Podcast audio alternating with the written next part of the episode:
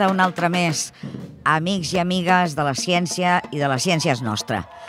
Doncs tornem a ser aquí, la Virgínia Calzada, que sóc jo que us parlo, i el Jordi Puy, que sempre me n'oblido de donar-li les gràcies al control de so. I comencem, com sempre, doncs amb l'agenda.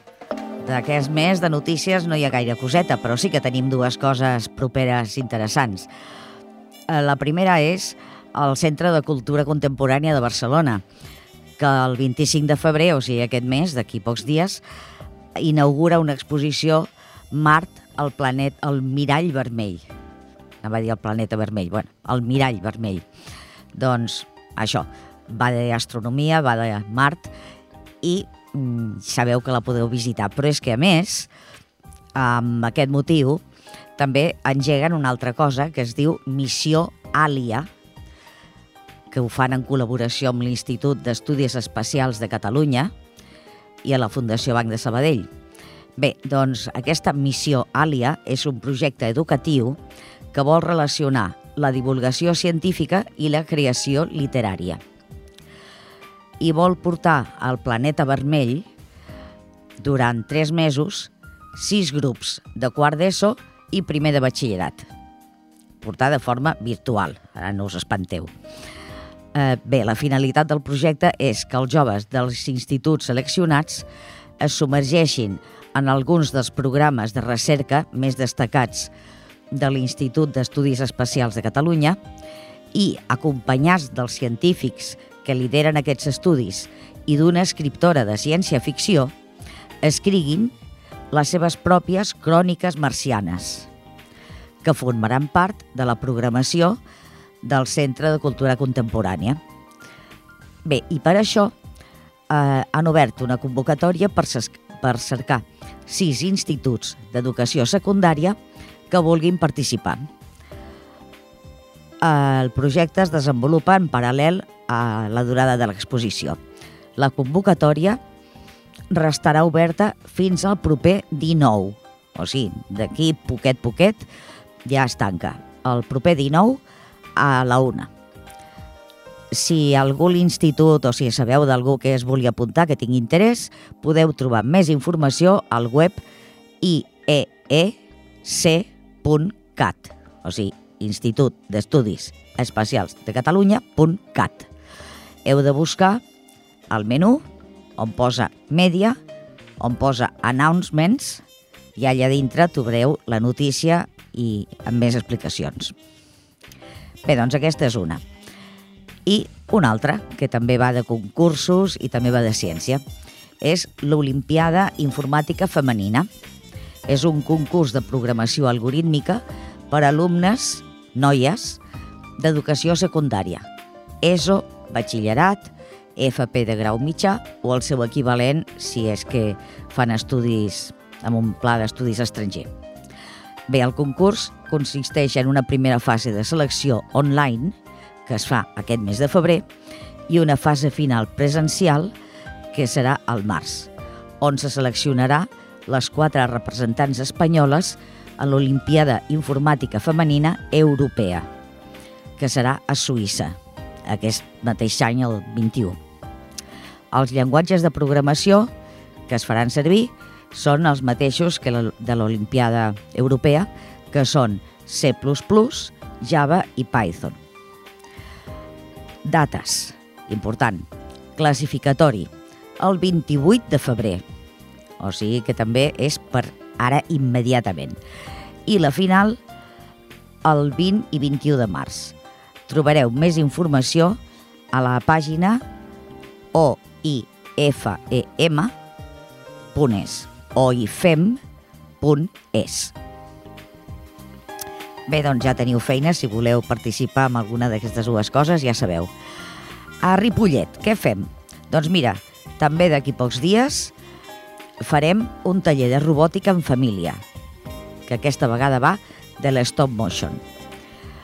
És per a famílies que tinguin infants entre 8 i 12 anys.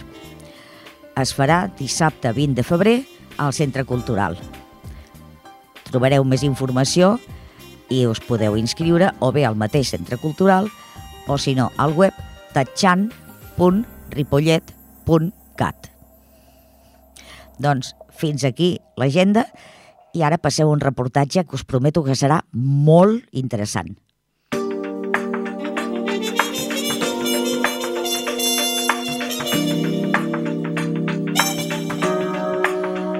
Doncs parlarem amb el doctor Michel André, que és director del Laboratori d'Aplicacions Bioacústiques de la Universitat Politècnica de Catalunya. Això de la bioacústica, mm, que és una cosa que jo tampoc no n'havia sentit a parlar, però és una branca de la ciència que investiga la producció i la recepció dels sons produïts pels éssers vius. Es fa servir, doncs, per exemple, per seguiment de poblacions d'animals que van d'un costat a l'altre, eh, per identificar, per estudiar els mecanismes d'identificació de, per exemple, dintre d'un ramat, doncs com se sap que són, que són parents, coses d'aquestes, i per comunicar-se entre els animals, doncs la bioacústica investiga tot això, estudia tot això. I també constitueix un mètode per mesurar els efectes del soroll produït per les activitats humanes sobre les poblacions animals, com repercuteix el soroll que nosaltres fem. Bé, doncs la creació del laboratori d'aplicacions bioacústiques representa la resposta madura d'un grup multidisciplinar eh, de científics, que vol dir que n'hi ha doncs, de moltes especialitats diferents, a la contínua degradació acústica de l'ecosistema marí que s'està donant a l'oceà Atlàntic Nord i al mar Mediterrani. Escoltem l'entrevista. Tenim aquesta tarda amb nosaltres per conversa telefònica el doctor Michel André, eh, que treballa en el Laboratori d'Aplicacions Bioacústiques de la Universitat Politècnica de Catalunya. Eh, buenos, buenas tardes, doctor, doctor André. Eh, ¿Te quieres presentar tú mismo? Buenas tardes, encantado de estar eh, con todos ustedes.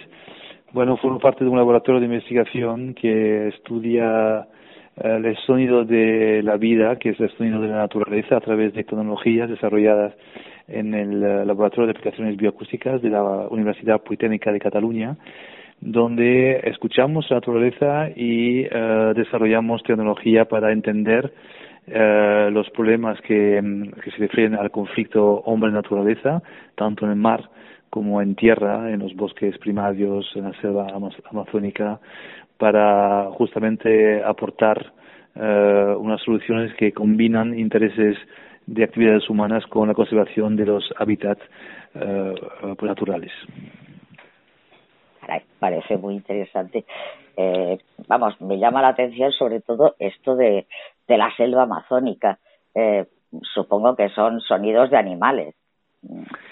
Sí, bueno, la naturaleza produce sonidos, la fauna produce sonidos y Sí. eh, aunque las plantas eh, también y son capaces de detectar sonidos, Ah. eso es algo que somos conscientes de ello, que el sonido es realmente la parte de la vida que permite a todos los, seres vivos de comunicar. Algunos producen sonido, otros son capaces de detectarlos y por lo tanto es este equilibrio acústico que hace que la naturaleza se erige en torno a un equilibrio y que nosotros estamos estudiando justamente este equilibrio para intentar mantenerlo.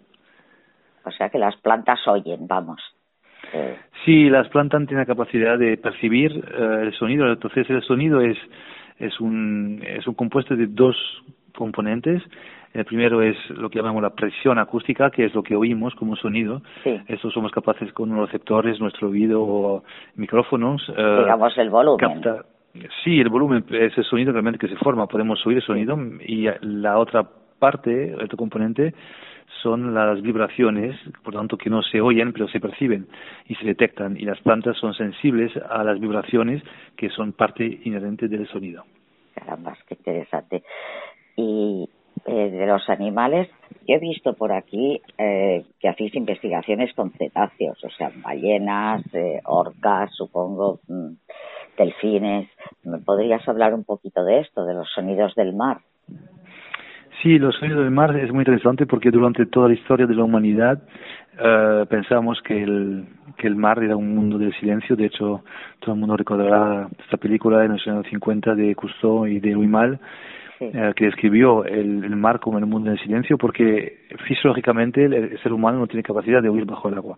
Por lo tanto, nos alejó de esta vida marina que se rige por sonidos durante, como decía, toda la historia de la humanidad y solamente es eh, desde que pudimos poner unos oídos artificiales eh, gracias a la tecnología, por lo tanto unos micrófonos subacuáticos, que descubrimos no solamente que había muchos sonidos bajo el agua, que esos sonidos eran los que permitían a los habitantes del mar mantenerse en equilibrio vital en el, en el fondo marino, que realmente la luz no penetra bajo la superficie y por lo tanto estos sonidos eh, que producen o que detectan todos los habitantes del mar son los que les permiten sobrevivir.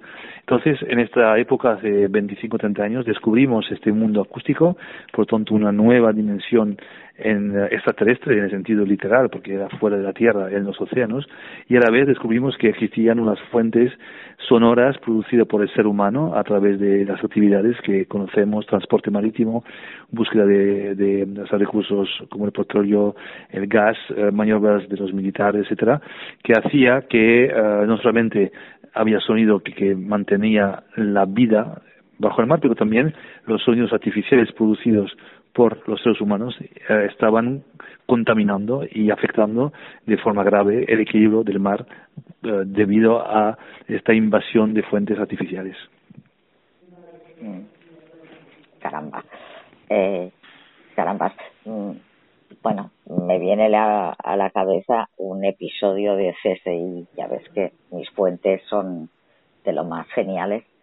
Que decía que hay una ballena que emite unos sonidos eh, gravísimos, un tono guau, súper grave y me parece que, bueno, no, sé exactamente cómo iba la cosa. Creo que la cosa era que una ballena emitía estos sonidos, pero la otra, las que lo tendría que recibir, no, no los puede captar. Fisiológicamente no, no puede.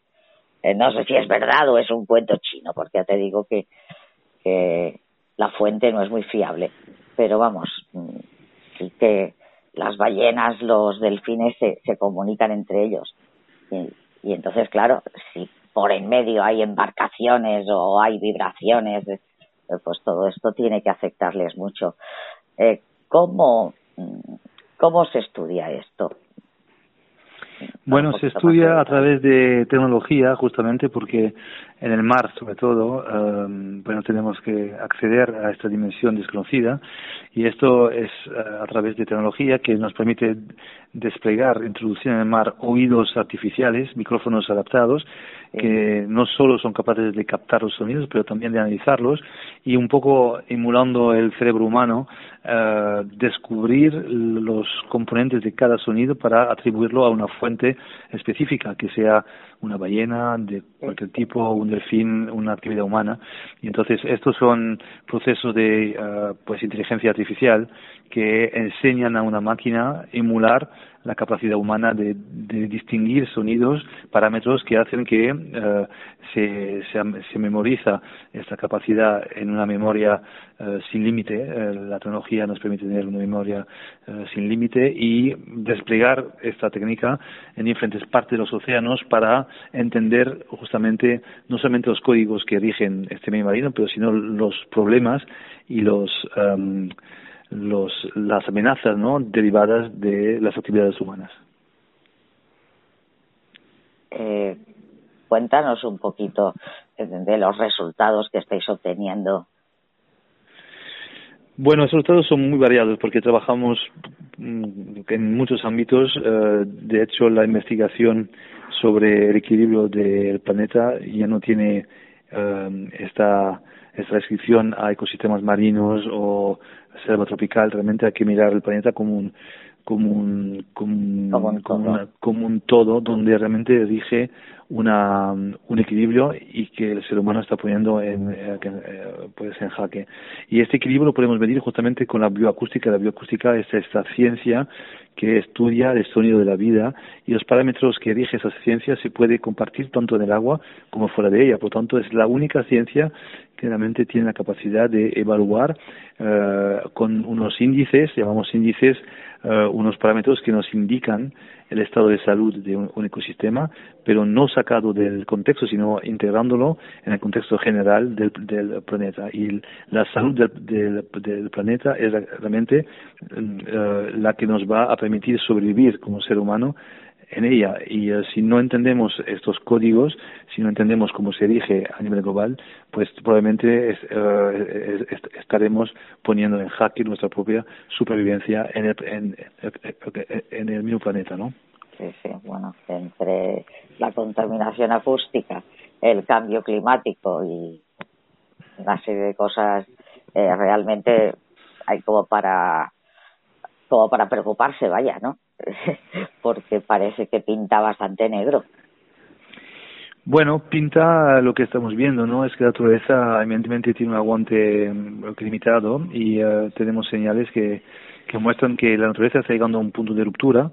Este punto de ruptura no tenemos fecha, eh, pero este punto de ruptura en la historia del planeta sabemos que cuando ocurre, pues eh, se, mm, se conjugan eh, todas las catástrofes que podemos imaginar, inundaciones, terremotos, eh, tsunamis, etcétera, que ocurren eh, de un día para para otro, ¿no? Entonces sabemos que la, el planeta en sí está llegando cerca de este punto eh, donde se va a desequilibrar completamente y no va a haber aviso más de los que ya tenemos, que son muchos, de hace muchos años, somos conscientes de que estamos viviendo, eh, bueno, situaciones hasta ahora por, por, las generaciones que llevamos no se habían visto y por lo tanto sí que hay que tomar medidas no es el final del mundo, pero es, es el momento de reaccionar para frenar este, este punto de, o sea, la llegada de este punto de esa ruptura para que podamos seguir viviendo un poco en este planeta.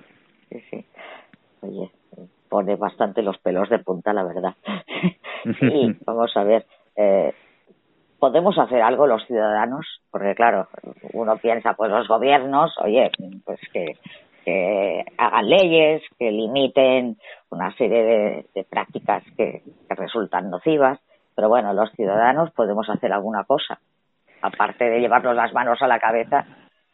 No, no, no, yo, creo que eh, una de las cosas que son fundamentales es hablar de ello y, eh, y por eso, o sea, que es muy importante el programa que tienes es divulgar y hacer entender que realmente eh, hay problemas en la naturaleza, hay que hablarlo, hay que integrarlo en nuestra propia vida, hay que tomar medidas y yo diría que la primera cosa que tenemos que hacer todos es volver a escuchar a la naturaleza de una forma eh, sencilla. Antes el hombre eh, formaba parte de la naturaleza y somos nosotros que nos hemos extraído de ella. De hecho, decimos ahora el hombre y la naturaleza como si fuéramos dos entidades separadas, cuando realmente el hombre es parte de la naturaleza y depende de la naturaleza. Y durante muchísimos años, probablemente mucho más de los que pensamos, desde probablemente que el hombre empezara a articular su lenguaje y eh, se separó de la capacidad de comunicar con el resto de las especies y de su entorno, pues empezamos a separarnos de ella. Y yo creo que la solución es volver a integrar la naturaleza con humildad, escucharla, y yo creo que todos los eh, que somos y que vivimos bien en la ciudad o los que tenemos la suerte de de vez en cuando ir al campo cerca del mar, es eh, escuchar, escuchar la naturaleza porque tenemos esta memoria antigua que todavía tenemos y está viva para entender los mensajes que nos manda y eh, pasarlos y eh, estar todos trabajando para una solución mejor. Y ahora no estamos hablando de conflictos, al contrario, hay operadores en el mar como en tierra que uh, sus actividades evidentemente tienen un impacto en el, en el medio eh, marino como en el medio terrestre, pero somos tan responsables como ellos de uh, esos impactos porque somos consumidores, por tanto no es porque no estamos a bordo de un buque que busca petróleo que no somos los que somos corresponsables de ello. Entonces, si, la, si nuestra sociedad se diera cuenta que es el momento en nuestra vida terrestre como, como como especie, como seres humanos, de trabajar todos para entender el impacto que tenemos sobre este medio marino, reintegrarlo sin buscar el conflicto, sin eh, juzgar, sin eh, ir más allá que la propia eh, ganas y sentido común que nuestra vida está eh, en peligro por nuestras acciones como sociedad, sin distinguir los malos de los buenos, que no hay malos y buenos, somos todos iguales, pues entonces será la eh, única manera de afrontarnos a este problema grave que es el conflicto otra vez hombre pues naturaleza y tomar unas medidas consensuadas para que lo solventamos y que vivamos por fin retomemos esta vida en, eh, armonía con la naturaleza. De no ser así, vamos a precipitarnos al caos y, no terminará bien. Por lo tanto, es nuestra decisión de eh, avanzar juntos, sin conflicto, al contrario, eh, en la misma dirección, entendiendo intereses económicos, entendiendo intereses del medio ambiente y conjugarlo para que el hábitat salvaje no sea, no esté afectado demasiado por nuestras actividades y que tampoco estemos rechazando eso que como sociedad humana tenemos que expandir y trabajar. Por lo tanto, es un equilibrio que hay que eh, eh, encontrar y la escucha de la naturaleza es la clave para volver a ello. Pues queda aquí, queda dicho. Eh, vamos a acabar en clave un poquito, digamos, positiva. Bueno, no digo que esto no lo sea, ¿no? Pero eh, yo te había pedido si tenías alguna grabación que pudiéramos escuchar de, estos sonidos de la naturaleza, de estos que vosotros captáis. Ah, ¿Me, ¿Me puedes mm, hacer llegar alguna algún fragmento que podamos emitir? Claro, sí, sí, no. Eh, ahora mismo creo que no va a ser posible porque estamos por teléfono, ¿verdad? Pero con mucho gusto, sí, sí, eh, evidentemente. Por correo, sí. Exactamente. Vale, perfecto. Pues, bueno, este trozo lo quitaré, eh, ya lo editaré. Pues muchísimas gracias por todo, todas estas reflexiones y, bueno, pues vamos a acabar escuchando a la naturaleza eh, en en una grabación, pero bueno, lo mejor es estar en la naturaleza y poner los oídos atentos, eh, los oídos, la vista, el tacto, pero todos los sentidos para, para captar lo que nos está diciendo. Muchísimas gracias y hasta la próxima. Virginia, gracias. Muchas gracias, Virginia, a ti. Muchísimas gracias. Adiós, gracias. Escoltem una de les gravacions obtingudes pel Laboratori d'Aplicacions Bioacústiques. Concretament es tracta de balenes geperudes.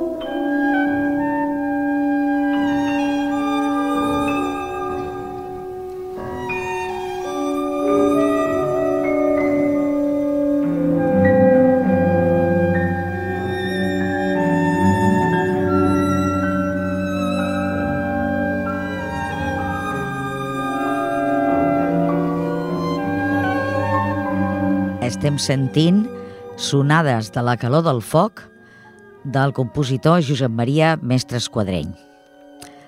Doncs us el presento. Químic i compositor. Eh, doncs ja veieu, música contemporània, experimental. Va néixer al 1929 i ha mort fa pocs dies, als 91 anys, aquest mateix any, 21. Bé, eh, Mestre Esquadreny ja de petit va estudiar, com molts altres infants, solfeig i piano. El seu pare era químic i, per tant, ell també es va posar a estudiar la carrera de química, de ciències químiques. Llavors ell tenia la idea de poder fer també la carrera del Conservatori de Música, però un dels professors d'allà li va dir que no es podien fer dues carreres a la vegada si una d'elles era la música. Llavors què va fer? Doncs mira, en comptes de fer-la al conservatori, la va fer per lliure. Es va comprar un llibre d'harmonia i va començar a estudiar pel seu compte. Després va conèixer un gran mestre, que era en Cristòfol d'Altabull, que li va donar classes, eh, sobretot de composició. Bé, i mentrestant doncs, anava estudiant la carrera de química. Eh, en una exposició del grup avantguardista Dau al Set, que potser és bastant conegut, va conèixer els pintors Joan Pons i Antoni Tàpies i el poeta Joan Brossa. I des de llavors van fer treballs en col·laboració, perquè van veure que tenien molt en comú. Eh, per exemple, doncs, ballets, accions musicals. Ell deia, jo de brossa vaig aprendre molt, vaig aprendre l'art de la metamorfosi, que la poesia és sorpresa, joc de mans, prestigitació. Les coses importants s'aprenen, però no s'ensenyen. En Mestre Esquadreny, finalment, va obtenir la licenciatura en Ciències Químiques al 55 i es va posar a treballar de químic i va anar compaginant aquesta feina amb la música fins que cada vegada es va anar dedicant més i més a la música i al final ja s'hi va dedicar de ple. Eh, una de les seves primeres obres va ser El ganxo, que era una òpera amb text de brossa. Era una obra futurista contrària a tots els convencionalismes acadèmics que, segons deia el propi mestre Esquadreny, tenia tots els ingredients perquè no s'estrenés i de fet no es va estrenar fins al 2004. O sigui que ja veieu, no? Però bé, el cas és que des dels anys 50 l'obra de Mestre Esquadreny va passar per un munt de fases diferents, sempre experimentant amb noves formes de fer música i volent trencar amb totes les normes establertes, la música clàssica i tot això. I a més va ser un dels introductors a Catalunya de la música electroacústica i també va ser un dels primers en fer música per ordinador. Doncs bé, com a exemple de música electroacústica, eh, sentirem ara a continuació la seva peça per a serra metàl·lica, que es considera la primera obra de música electrònica que es va fer a Catalunya.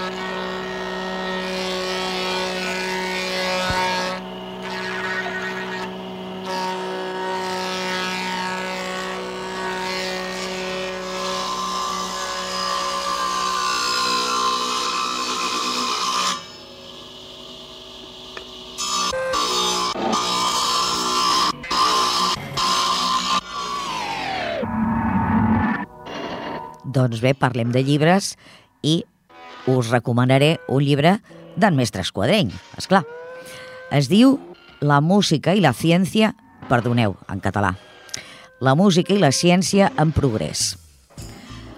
Editorial Arola i és de l'any 2010. En aquest llibre l'autor ens presenta l'evolució de la història tant de la música com del mètode científic. El text és apte tant per a estudiants interessats en comprendre la base científica de la música en particular i l'art en general, com per a docents que pretenguin contextualitzar les seves classes de música, permetent-los un enfocament multidisciplinari de la mateixa. Bé, l'autor ens, ens adreça a través d'un fil conductor històric, va passant per diverses etapes de la història, i ens mostra com les dues disciplines, la música i la ciència, es donen suport música mútuament i és impossible l'enteniment de l'una sense l'altra. Eh, passegem per diferents èpoques des de les aportacions de Pitàgores a la Grècia clàssica fins al segle XX i les aportacions tecnològiques amb electroacústica. Sabeu que en Mestre Esquadreny hem de dir que, que va ser un pioner també en aquest camp. I en aquest recorregut, a través de la història, observem paral·lelament com l'avanç en ciència influeix i millora tant la tècnica com l'enteniment de la música. Un bon exemple a l'inici del text el tenim en l'avanç en matemàtiques, que va, fer, va permetre la millora dels sistemes d'afinació. Recordeu que fa temps parlàvem de... vam fer una flauta de pam i intentàvem afinar-la doncs bé, això té molt a veure amb les matemàtiques. Més endavant, en la història, ens trobem amb l'expansió tecnològica del segle XX, que ens va obsequiar amb la creació de nous instruments com les ones Martenot o el Teremin. Bé, doncs aquest és el primer llibre que us volia recomanar. I el segon, que aquest sí el trobareu disponible a la biblioteca eh, electrònica, es ¿Tenemos suficiente inteligencia para entender la inteligencia de los animales? Buena pregunta. El autor és Franz de Waal i l'editorial és Tusquets Editors. Aquest llibre descriu nombrosos i sorprenents treballs de camp realitzats per gent que estudia el comportament animal a molt arreu del món, hm? a molts llocs diferents amb exemples que inclouen vespes, balenes, pops, ximpancers i molts altres bitxos de tota mena. Per sort, han quedat enrere els temps en què els animals els consideràvem només com unes màquines que responien mecànicament als estímuls de l'entorn, però aquest llibre, a més, ens obliga a replantejar-nos les nostres velles idees sobre la naturalesa i els mecanismes de la intel·ligència, tant humana com animal. Doncs ja estem a la part final del programa. Ens queda l'experiment familiar per fer amb infants. Facilet, com tots els que porto jo aquí. Efervescència. Ja, els pares ja sabreu de què va. Un got una cullereta, bicarbonat del que teniu per casa, o en tot cas sal de fruites o una cosa d'aquestes, i vinagre o suc de llimona. Què heu de fer els nens, les nenes? Doncs poseu al got una culleradeta de bicarbonat i després aneu afegint el vinagre a poc a poc, o el suc de llimona, com vulgueu. Veureu que fa bombolles. D'això se'n diu efervescència. Què passa? Doncs el bicarbonat, que eh, el nom seriós és bicarbonat sòdic, és una sal de l'àcid carbònic. Això és bicarbonat.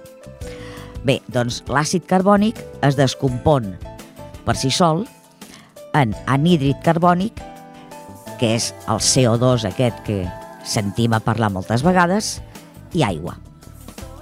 I què passa? Doncs que l'anhídrid carbònic, que és un gas, s'escapa de l'aigua i s'escapa cap a l'aire i és el que forma les bombolletes. Uh, les begudes de gas, totes elles tenen àcid carbònic uh, dissolt a, a la beguda.